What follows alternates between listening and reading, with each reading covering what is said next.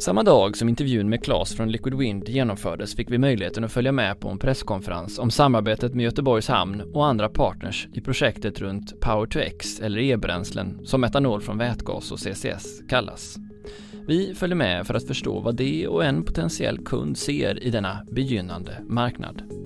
Först ut är Elvir Zanik som är VD på Göteborgs hamn och han har höga ambitioner för omställningen. Kravet på förändring från vad som varit till vad som ska bli gör hamnen till en central och stor aktör även i energisystemet. Varmt välkommen till Energistrategipodden. Tackar. Det här med hamnar och el och effektuttag har helt plötsligt blivit en jättestor fråga. Hur ser det ut här i Göteborg? För oss är det väldigt naturligt att koppla ihop energifrågorna med hamnen. Eh, framförallt för att vi är en eh, energihamn. Vi är den största energihamnen i Sverige. Och så ser vi ju såklart att energi i framtiden kommer inte vara vad energi är idag. Så för oss att söka soul search och eh, klura ut vad är vår roll i energiomställningen, det har vi påbörjat för ungefär två år sedan och den bilden börjar klarna för oss. Och det är inte bara ett eh, form av energislag här, ni verkar ju gå mot en hel portfölj av olika typer av energi. Kan du berätta vad är det ni möter för typ av kundbehov och marknadsutveckling? Ja, men precis, det, det, det är helt, det, det, är en palett, precis som du säger, det är en buffé. Eh, om du tänker dig så här, en hamn ska ju serva olika ekosystem. Vi har lastbilar, 1,2 miljoner som kommer till hamnen. Ungefär hälften av dem kommer vara elektrifierade, den andra hälften kommer åka på vätgas. Sen så har vi 8000 fartyg som anlöper hamnen och där har man ju en bredare flora av olika bränslen. Alltifrån metanol, ammoniak, LNG, LBG, Eh, biobränsle och så vidare. Och ska man serva sina kunder, för de är ju våra kunder, så måste vi ha tillgång till alla de här bränslena för de här olika ekosystemen. Så vilka bränslen ser vi? Ja, men just nu på kort sikt så ser vi framför oss att vi börjar med vätgas. Det ska finnas tillgängligt redan nästa år i Göteborgs hamn och kunna tanka. Eh, på lite medellång sikt, alltså ungefär ett till två år från idag, så ser vi framför oss eh, metanol. Det var ju det mötet idag handlade om. Och på lite längre sikt så ser vi framför oss eh, ammoniak. Gör vi. Och eh, den här utvecklingen eh, antar jag också leder till ett större effektuttag också i behov för era egna behov. Hur ser det ut? Vi har ju läst, vi vet ju att det finns en visst ansträngt läge här. Ja, det gör det. det. Det är mycket riktigt. Vårt effektbehov idag eh, är någonstans runt cirka 20-25 megawatt. Och då ska man ju ta det i kontext Göteborgs stad vars eh, effektbehov är 800 megawatt. När vi tittar på våra egna behov eh, och när jag säger hamnens, då menar jag också inklusive våra kunders behov, så ser vi att vårt effektbehov rör sig upp mot nära 200 megawatt fram till ungefär 2030. Och då är det fortfarande i kontext av Göteborg 800 megawatt. Så bara hamnen och hamnens kunders effektbehov ökar alltså från 20 tiofaldigat uppåt nästan. Eh, och det är klart, det sätter ju en viss press eh, på, på, på hela situationen. Klart det gör. Men eh, diskussionerna är väldigt goa. För att vara göteborgare, goa. Ja. Men, eh, men vad har ni för alternativ då? Just kopplat till den frågan. Jag tänker på Stena Elektra som kommer exempelvis med 40 megawatt direktbehov om ett, ja, ett antal år. Ja, men, så här, väldigt enkelt vi vill kunna också producera vår egen el. Så vi har nu en elstrategi där vi ämnar att kunna producera någonstans uppemot 40 till 50 megawatt av energi själva i hamnen och det kommer ske bland annat genom eh, vida utvidgade solceller, egen produktion av el, egna batterier som sen kör ner till kajkanten. Så vi vill, vi måste kunna producera vår egen el och inte bara förlita oss på nätet, åtminstone här under en övergångsperiod.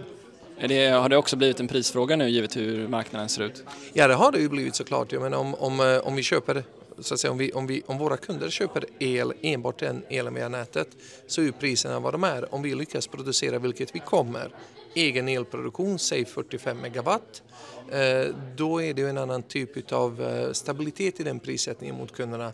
Och när man talar shipping Eh, och, och sjöfrakt, det man efterfrågar det är stabilitet, det är förutsägbarhet i prisbilden.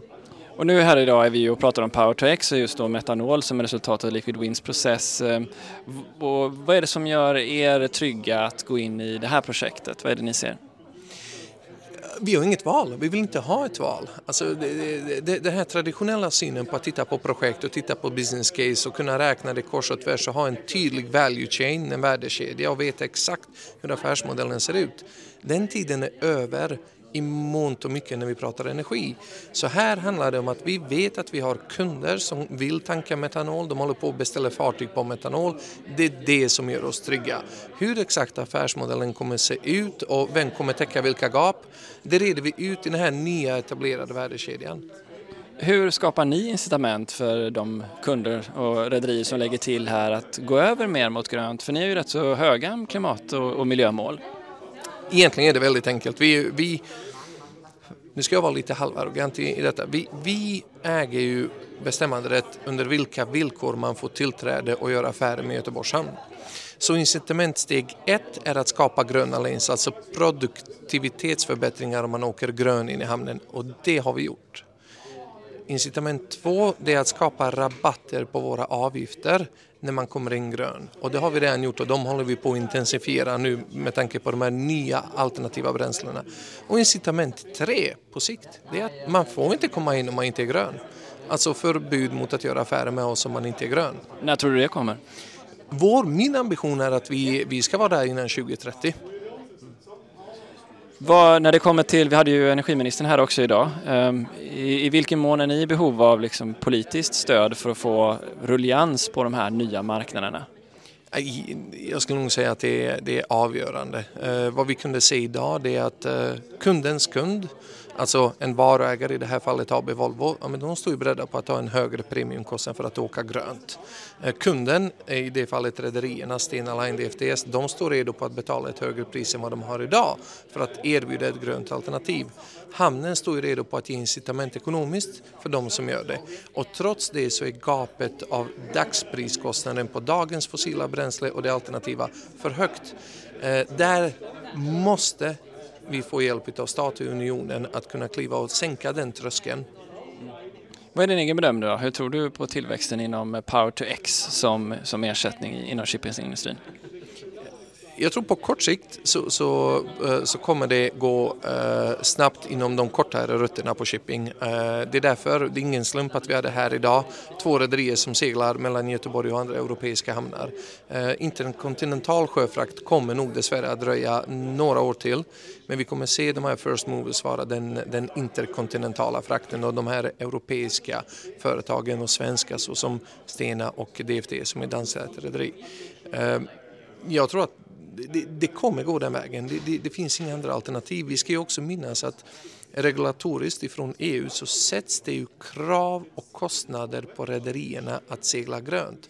Så att ska de vara i business om ett par år, rent juridiskt, så måste de också hitta alternativ. Så det här är, det, här är no turning back point. Vad tycker du du hör av rederierna då när det kommer till den här typen av incitamentsprogram? Har det blivit ett skifte eller vad, vad ser du?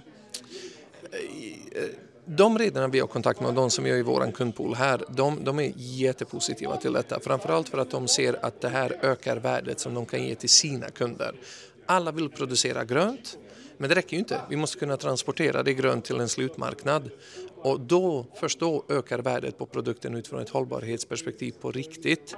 Eh, jag menar, om din tröja som du har på dig produceras grönt, det ger ju bara dig en viss effekt som konsument. Men om du vet dessutom att den kom till butiken på ett grönt sätt och inga utsläpp, det är jag nog rätt säker på att du är betydligt nöjdare med än att bara veta att den har producerats på ett grönt sätt. Så det är ju den här helhetskedjan. Redarna är väldigt på. Jag upplever nu att det finns en du vet, man, man brukar ofta tala om att om politiken knuffar på näringslivet eller näringslivet ligger före politiken. I det här fallet så upplever jag att näringslivet, i det här fallet och redarna och politiken och beslutsfattarna, de ligger faktiskt väldigt mycket näck i näck. Alltså alla tävlar, hur sjutton löser vi detta först och bäst? Så att det finns en synkroniserad rörelse upplever jag. Du nämnde här inne på presskonferensen att du är väldigt stolt att det här händer i Sverige och i Göteborg. Eh, vad är ditt, eh, vad är ditt take på det? Jag är så himla stolt att det händer i min hemmastad och i mitt hemland. Det, det, eh, det här kommer att ske. Och det, just nu är det en race. Eh, rederierna bygger fartyg. De beställer fartyg för 300 miljoner, för 800 miljoner, för miljarder som är gröna. Frågan är vart kommer de fartygen att segla? Precis som Volvo producerar gröna lastbilar. Det är inte givet att de kommer köra på svenska vägar och det är inte givet att de nya fartygen kommer segla på svensk vatten in i en Göteborgs hamn.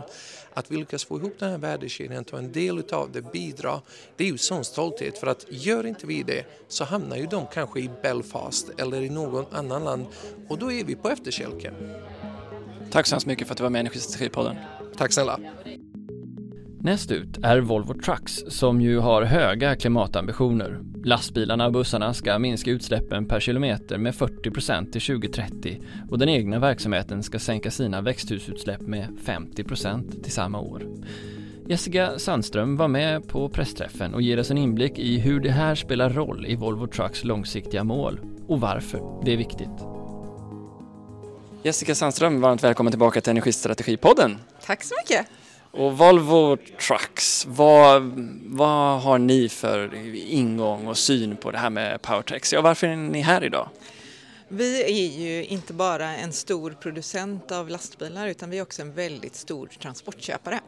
Med all logistik som vi har, komponenter som kommer in till våra fabriker men också eh, de färdiga produkterna som lämnar fabriken.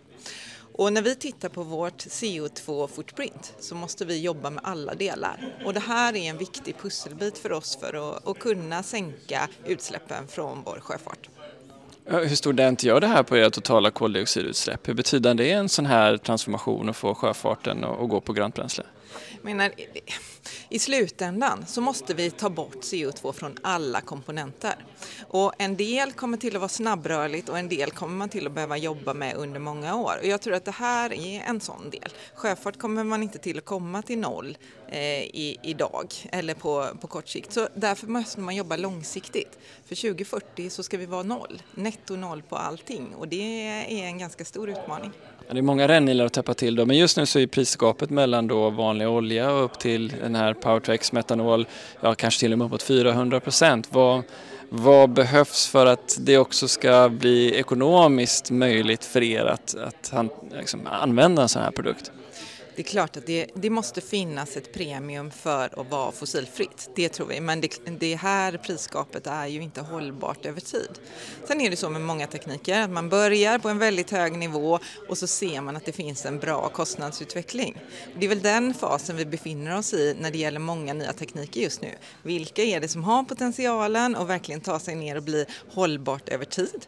Eh, vad kommer CO2 till att kosta att släppa ut i framtiden? Det är ju en annan faktor som, som man behöver räkna in och därför behöver man satsa brett i det här tidiga skedet tror jag. Vad finns det för faktorer som du ser stärker caset för Powertex? I det här fallet så pratar vi om produktion i Sverige, eh, vilket gör att grundförutsättningarna är väldigt bra. Vi har eh, relativt billig el i den här delen av, eh, av Sverige som vi pratar om och den är fossilfri, vilket ju är en bra startpunkt. Så, eh, dessutom så är, finns det ett konsortium är kanske ett eh, för hårt ord, men, men en sammanslutning av olika spelare som ser samma väg framåt. Och det brukar vara en grundförutsättning för att få ny teknik att flyga. En sista fråga då, ni köper ju inte bara mycket transport utan ni transporterar ju också väldigt, väldigt mycket. Ehm, den här typen av bränslen, kanske en dum fråga, men det är inte relevant för er att titta på även för era drivmedel, alltså för era motorer? Vi tror ju väldigt mycket på el, eh, elektrifiering av våra lastbilar och, och, andra fordon vi har inom koncernen. Och när det gäller direkt el, alltså använda elen direkt, så, så får man ju en effektivitet i hela systemet som eh, är svår att överträffa med andra konverteringar som krävs för nästan alla andra bränslen. Så om det går att köra på el, om man kan få med sig tillräckligt mycket batterier i fordonet, om du har ett eh, en transportuppdrag som gör att du till exempel kan ladda på lunchrasten, då tror vi att det kommer till att vara väldigt svårt för andra typer av, av eh, drivlinor att slå det rent kostnadsmässigt. Tack så hemskt mycket Jessica för att du var med i Energistrategipodden igen. Tack så mycket. DFDS är en internationell aktör inom både färjetrafik, havstransporter och logistiklösningar på land. Verksamheten finns i Östersjön hela vägen till Medelhavet och omsätter drygt 20 miljarder kronor. Förra året transporterades nästan 700 000 ton varor bara i logistiken. Från Göteborg går skeppen till städer som Gent och Zeebrugge i Belgien och Immingham i Storbritannien. Hur ser det att dessa nya bränslen kommer att göra entré på marknaden? Vi får några korta ord med Torben Karlsson som är koncernchef på bolaget. Varmt välkommen till Energistrategipodden. Många tack. Ja, berätta för alla våra lyssnare som kanske inte är från västkusten och då självklart vet vad DFDS är. Vilka är ni och, och vad gör ni? DFDS er et uh, transportselskab uh, og logistikselskab med uh, 10.000 ansatte. En stor del af dem i uh, Sverige, i både Göteborg og Karlshamn især, øh, Helsingborg. Øh, og, øh, og vi har både øh, færger, øh, 70 færger, vi opererer rundt omkring i Europa. Og så har vi øh, landtransport og logistikoperationer øh, både i, i Sverige og også i resten af Europa.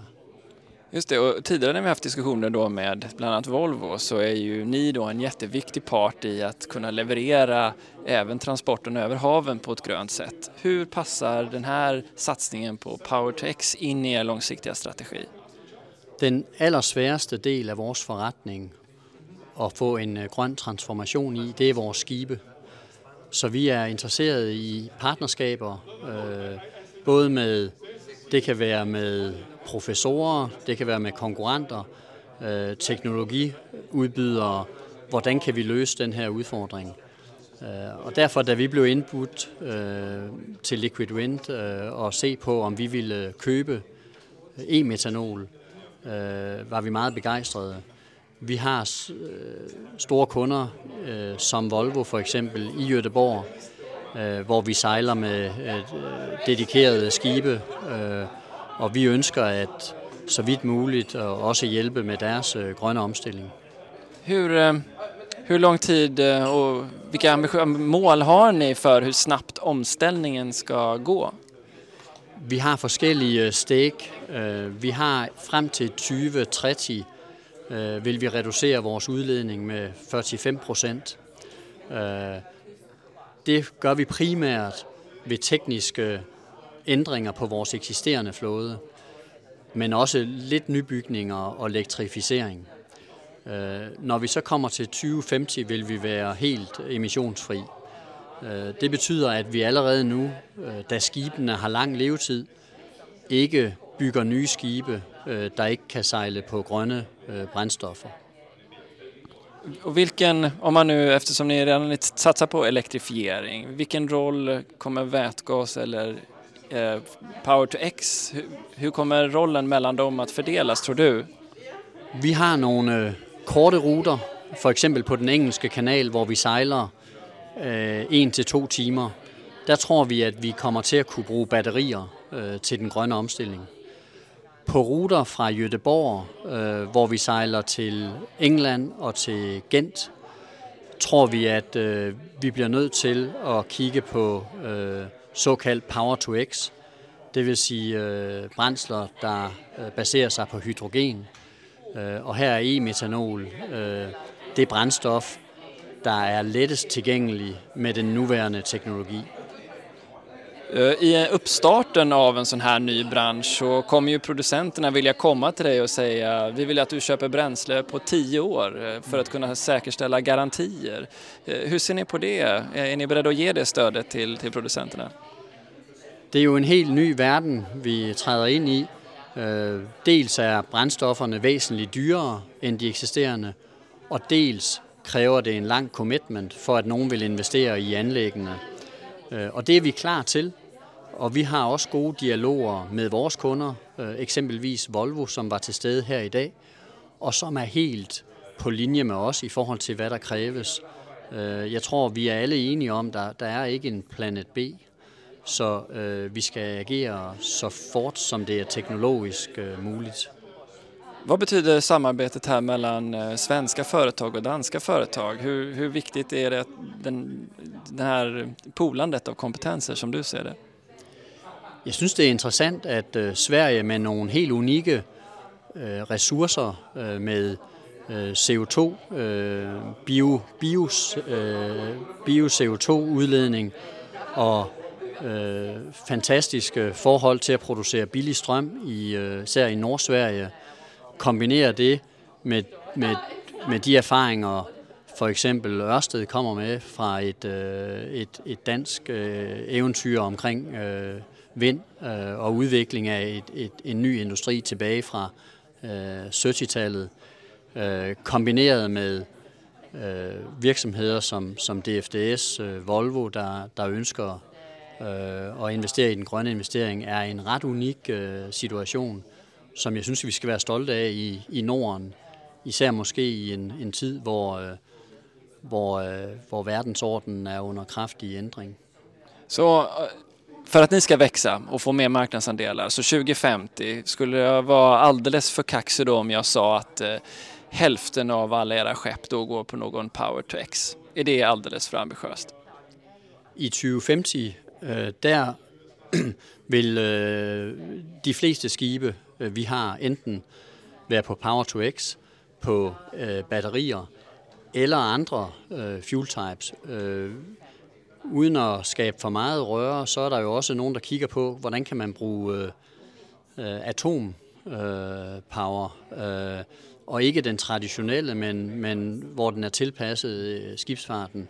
Så jeg tror, der bliver et mix af forskellige øh, brændsler, som sikrer, at vi kan blive øh at vi kan decarbonise øh, frem mod øh, 2050.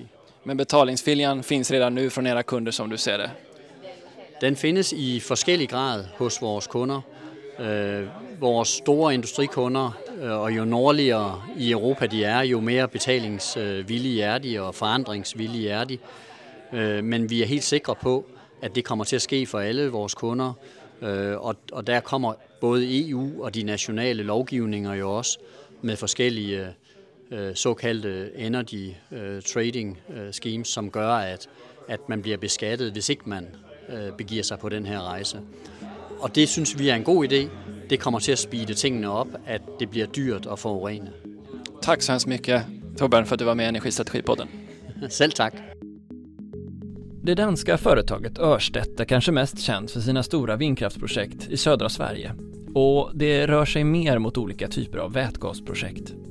Vi undrade vad som gör Sverige intressant ur deras perspektiv och jag kunde inte låta bli att fråga hur de ser på vindkraftsutbyggnaden till havs, som det ju är en stor aktör inom. Sean Jones Martinson, welcome to uh, the Energy Strategy Pod. Thank you, thank you very much. Happy to be here. And you're from Ørsted. I think many people are, are, familiar with the name Ørsted, but could yes. you please give us a, a background to what is Ørsted? And it's uh, originally a Danish-based uh, green utility company, um, but it's now global business. We have around 7,000 employees uh, on a global basis. Uh, we deal uh, in, in wholly green energy, so uh, offshore wind and onshore wind and solar. And for the last couple of years, we've also been investing and have large ambitions within hydrogen hydrogen and uh, power to X.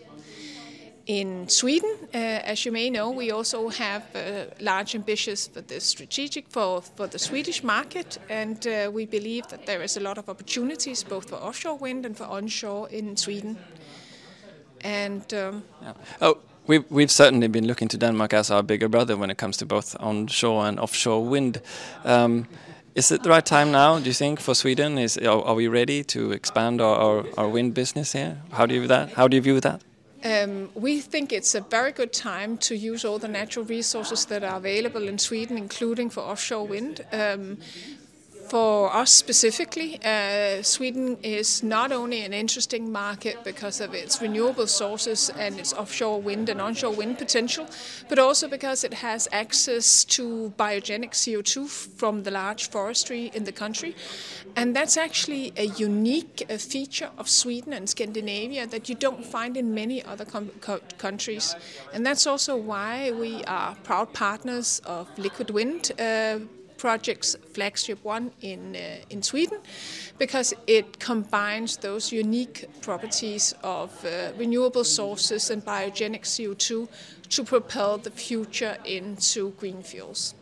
Right, so we have our, our, huge forest industry and we have our combined heat and power plants that create CO2, which combined with hydrogen can can become uh, methanol. Um, exactly. Where's where, where's your where do you see your company's role develop in, in this area?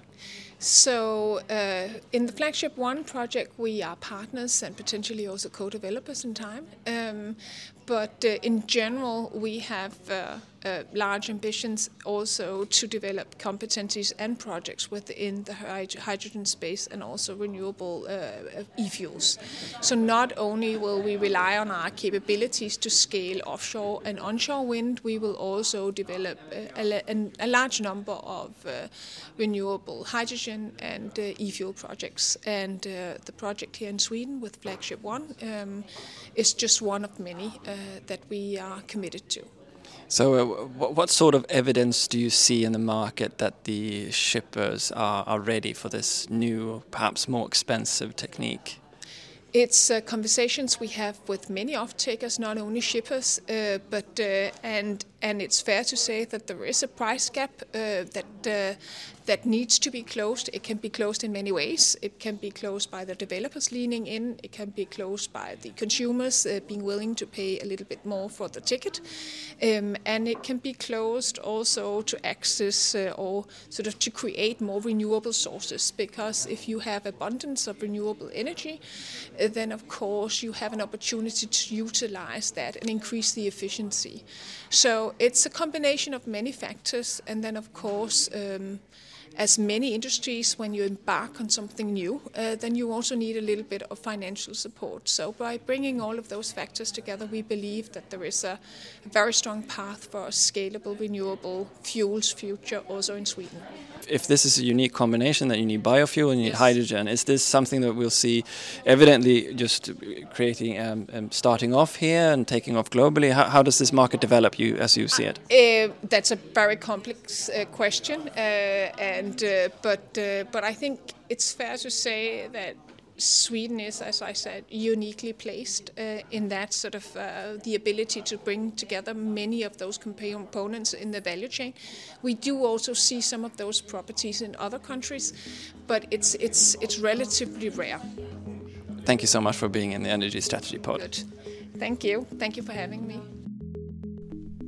Sist men inte minst så kommer vi till Torbjörn Fors, VD för Industrial Application Division hos Siemens Energy. Och han var med på ett avsnitt tidigare i år. En annan tid kan tyckas då naturgasen kostade något helt annat än idag. Hur ser han och Siemens att världen har förändrats och hur passar Power-to-X och e-bränslen in i den nya logiken? Och vad behövs för att den här marknaden ska växa fram? Hej Torbjörn Fors och varmt välkommen tillbaka till Energistrategipodden. Tack så mycket. Tack. Idag är vi här för att prata om Liquid Wind och satsningen på Power2X och där är ni ju en samarbetspartner. Berätta, vad är det ni ser i Power2X? Var, varför är ni intresserade av att göra investeringar här?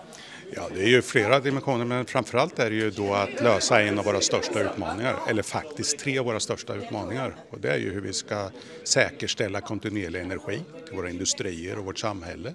Hur vi ska få den på ett så pass eh, kostnadseffektivt sätt som möjligt och givetvis så pass grönt sätt som möjligt. Ehm, och där passar ju Liquid Wind in oerhört bra, det vill säga att använda vindkraft till att konvertera det till ett bränsle som kan användas i lastbilar, i båtar, i fartyg och så vidare. Så det ena dimensionen, att lösa ett större problem för samhället. Det andra är givetvis att vi har oerhört många produkter som passar in i det här. Vi har. Ja, vilka, vilka är det? Ja, vi har ju vindkraftverk om vi börjar i den änden. Ehm, och sen så har vi då elektrolyserna. För, för att komma till metanol så behöver vi gå via kedjan av att eh, tillverka vätgas. Så elektrolysörerna har vi. Vi har kompressorerna som behövs här. Och sen så har vi hela den digitala kedjan för att knyta ihop där. Och i framtiden så har vi också så att vi kan använda våra gasturbiner. Så metanol och idag redan vätgas använder vi våra gasturbiner. Det är ju fantastiskt att ni alltid lyckas få Finspång att hänga med i tidernas utveckling. Ja, precis, precis, absolut. Men eh, sen vi pratades vid så har ju energikrisen verkligen accelererat och behovet av leveranssäkerhet men också kostnader blivit allt viktigare. Eh, har, har det här accentuerat behovet av den här utvecklingen eller lägger det en dämpande hämsko över den? Hur ser ni på det? Jag tror det varierar lite. Eh, dels från tid till annan men också med olika regioner och olika länder.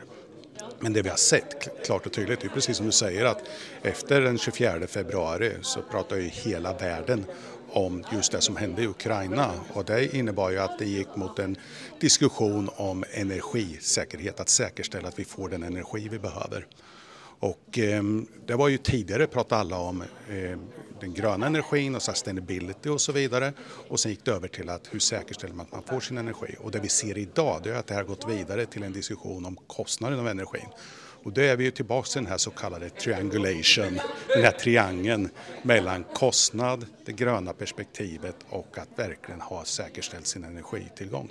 Och det här kommer att fortsätta vara både en utmaning och en möjlighet för många. Ja, för på flera konferenser, internationella sådana, har du varit en av dem som också argumenterat för varför naturgas behövde vara en stepping stone, inte minst ur det kostnadsperspektivet. Har den kalkylen helt ställts på ända nu, eller hur ser du på det idag? Nej, det har det ju inte, utan det, det tråkiga för oss alla är givetvis att man är beroende av ett land och det landet har inte agerat på ett sätt som någon av oss önskar.